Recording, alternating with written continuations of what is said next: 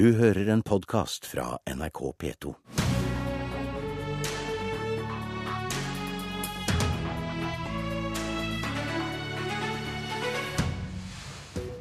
Krisestemninga sprer seg på Sør-Vestlandet.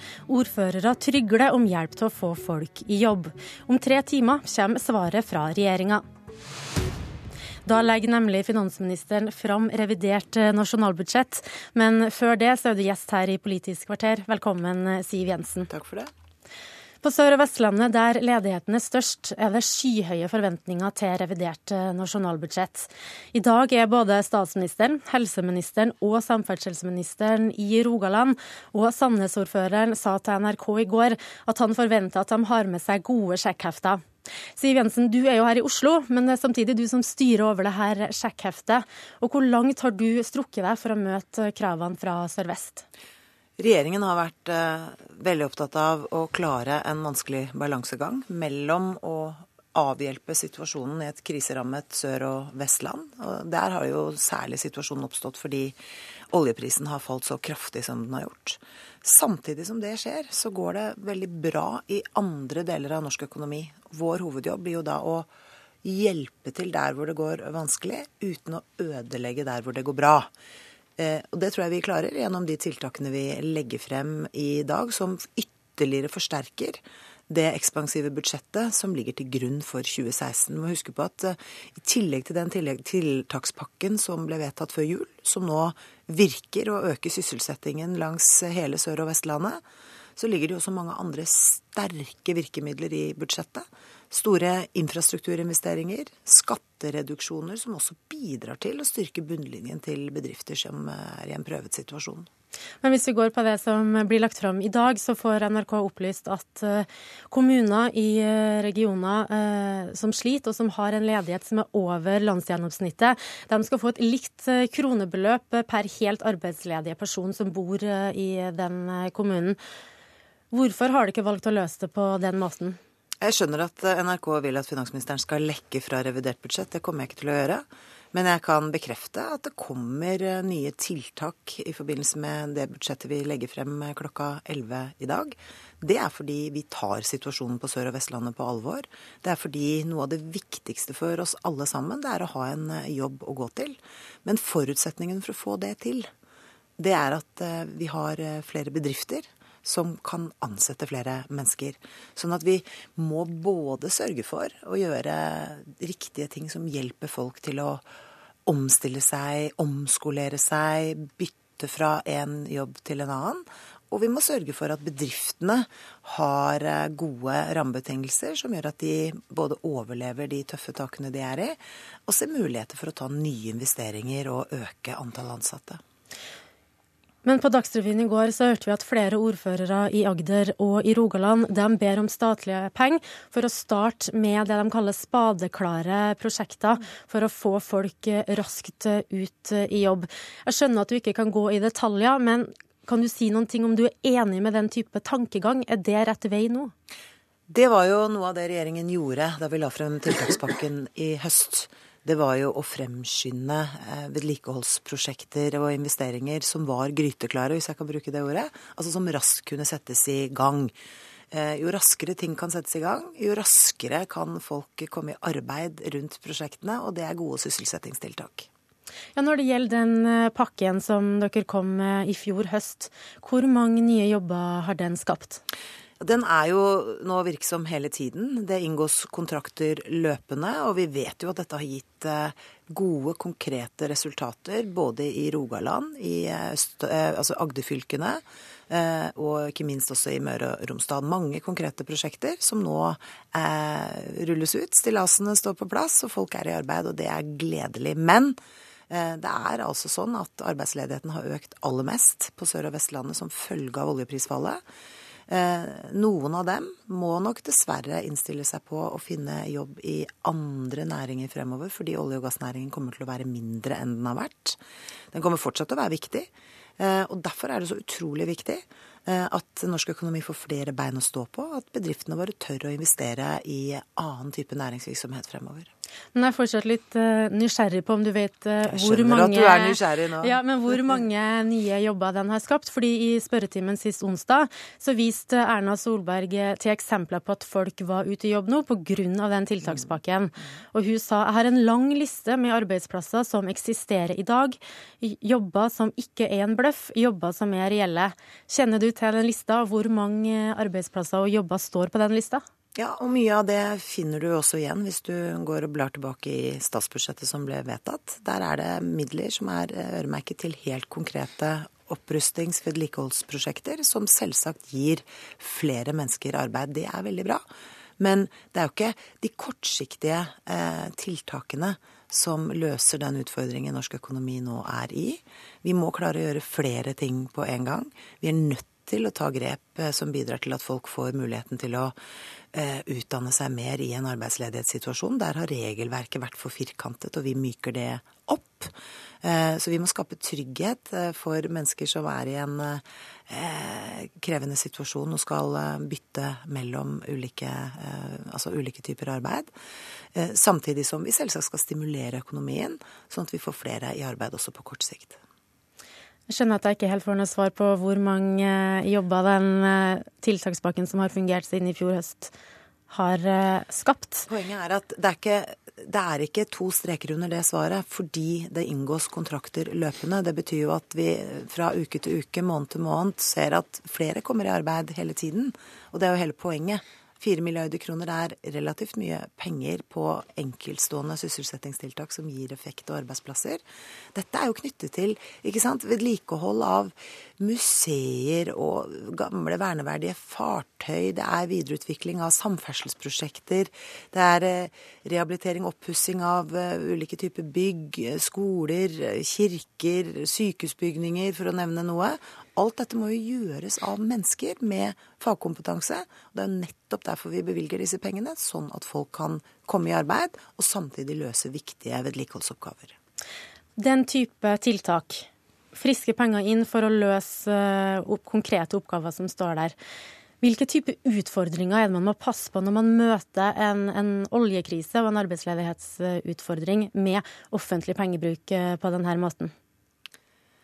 Så det er uansett det aller viktigste oppgaven til eh, denne regjeringen. Det er å sørge for at eh, arbeidsledigheten kommer ned at sysselsettingen kommer opp, og at veksten i økonomien blir bedre. Det er det aller viktigste. Eh, og det bruker vi mye penger på. Det er derfor vi har et ekspansivt statsbudsjett for 2016. Og det er selvfølgelig derfor det er forventninger til det reviderte budsjettet vi legger frem i dag. Eh, vi kommer til å svare på det. Vi kommer til å gjøre de tingene vi mener er rett i den økonomiske situasjonen vi er i. Men så er det jo verdt å huske på at utviklingen på arbeidsmarkedet nå egentlig er eh, ganske god. Eh, vi har økende sysselsetting i store deler av landet. Mange fylker opplever eh, at arbeidsledigheten går ned eller er om lag uendret. Men så har du da den svært vanskelige situasjonen. Agderfylkene, Rogaland, eh, Hordaland, Møre og Romsdal, som trenger særskilt oppbacking fra regjeringen i en veldig vanskelig tid, og det får de. Du har vært inne på at det er viktig å, når man gir den oppbackinga, at man da ikke ødelegger for uh, områder av landet der det går uh, bra. Mm. Kan du komme med et eksempel på type tiltak som kan gjøre nettopp det? Hjelp i sørvest, men ødelegg f.eks. i nord og på Østlandet? Altså, et eksempel. Jeg var og besøkte flere bedrifter i Ålesund uh, i Møre og Romsdal for kort tid siden.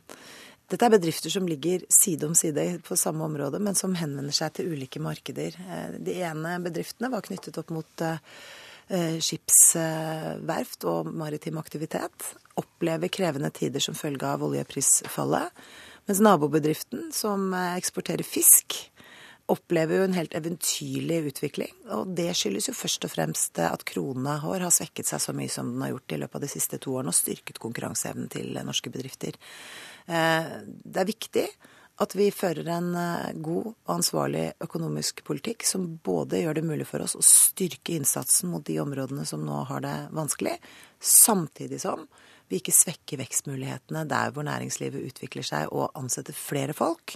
Eh, det er jo nettopp den overgangen vi nå må få til, og derfor er det viktig at vi klarer å gjøre flere ting på en gang. Men har du et eksempel på et uh, tiltak som kan ødelegge for dem som det, har det vanskelig, og hjelp ja, Nei, omvendt. Altså, jo, du, har, du var eksempel på to bedrifter der ja, den ene gjorde det bra, den andre gjør det dårlig. Du fikk et eksempel på det nettopp hvor viktig kronekursen vår er for uh, styrket konkurranseevne. Bare den alene, den svekkelsen som kronekursen har uh, innbefattet på 20 Eh, har jo utlignet mye av de kostnadsulempene som norsk næringsliv har hatt de siste årene, som har gjort det vanskeligere å konkurrere på en del utemarkeder. Eh, så det er jo viktig at vi eh, fører en økonomisk politikk som fortsatt bidrar til at vi har en konkurransedyktig kronekurs. Når det er sagt, så er vi jo sårbare fordi kronekursen følger veldig tett utviklingen i oljeprisen. Det har vi jo sett, ikke sant. At når oljeprisen har falt, så har krona svekket seg. Og når oljeprisen stiger, så har krona en tendens til å styrke seg. Så vi rår ikke over den uh, alene. Uh, men den økonomiske politikken spiller inn, og derfor er det viktig at den er uh, riktig porsjonert. Apropos oljepris. Du sa da du la fram revidert budsjett i fjor at fallet i oljeprisen gjorde at vi ikke er fullt så rike som vi trodde. Hvordan ligger vi an i år? Er vi rikere eller fattigere? Det er jo ikke noe tvil om at når oljeinntektene til Norge faller, så blir vi litt mindre rike enn det vi har vært.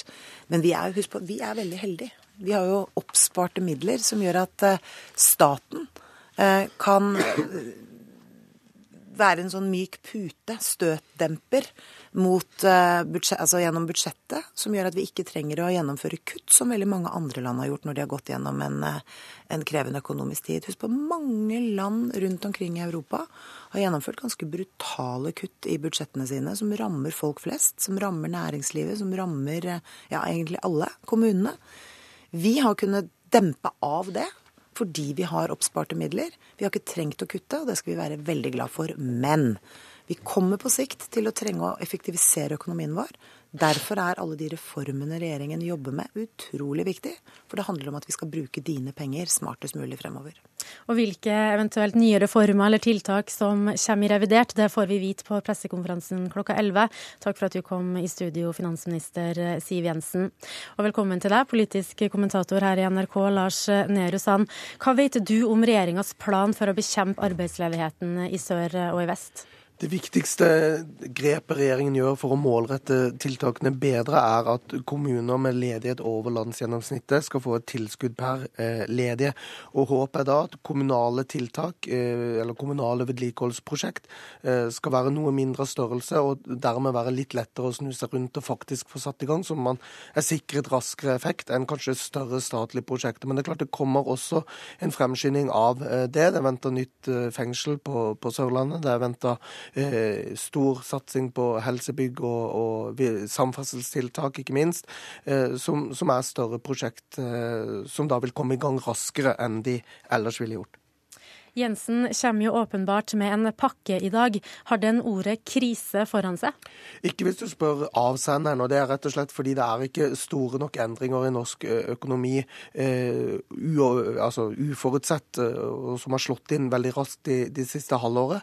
Og Derfor mener regjeringen at dette er et regionalt problem og ikke et nasjonalt problem. Og også et varslet problem og ikke, ikke et eh, overraskende problem. Men det er klart det er jo Regjeringen vil vil sannsynligvis øke oljepengebruken. Og ligger jo også i det en innrømmelse av at, eh, at, det er en lav konjunktur, og at eh, det er riktig at staten bruker mer penger. Eh, så skal vi prøve å tolke regjeringen, da, så er det i hvert fall forskjell på at det regner og at det er flom. I dag er jo en festdag for eh, politisk eh, interesserte. Ikke bare revidert eh, nasjonalbudsjett. Det kommer også en integreringsmelding og en kommuneproposisjon. Hva blir det mest bråk av når Sylvi Listhaug skal legge fram regjeringas integreringspolitikk? Jeg tror Listhaug vil få bredere tilslutning til integreringspolitikken sin enn til innvandringspolitikken sin. Og hun eh, vil jo legge opp til en mye mer individuell løp for, eh, for de som skal få opphold, og hvordan de skal integreres. Jeg tror jeg eh, hovedlinjene der vil få flertall. Men det er store forventninger til ikke minst hva slags støtteordninger kommunene skal ha, om hvor mye det skal lønne seg for kommunene å, å integrere og bosette kanskje spesielt enslige mindreårige mindreårige asylsøkere. Og hvordan staten tar opp den regningen, eh, vil det bli eh, mye debatt om. Takk skal du ha, Lars Nehru Sand. Det var det vi rakk i dagens Politiske kvarter. Følg med på våre sendinger utover dagen. På nrk.no, på TV og i radio sender vi direkte både fra revidert nasjonalbudsjett klokka 11 og fra integreringsmeldinga klokka 12. Hør oss igjen i morgen. Mitt navn er Siv Sandvik. Du har hørt en podkast fra NRK P2.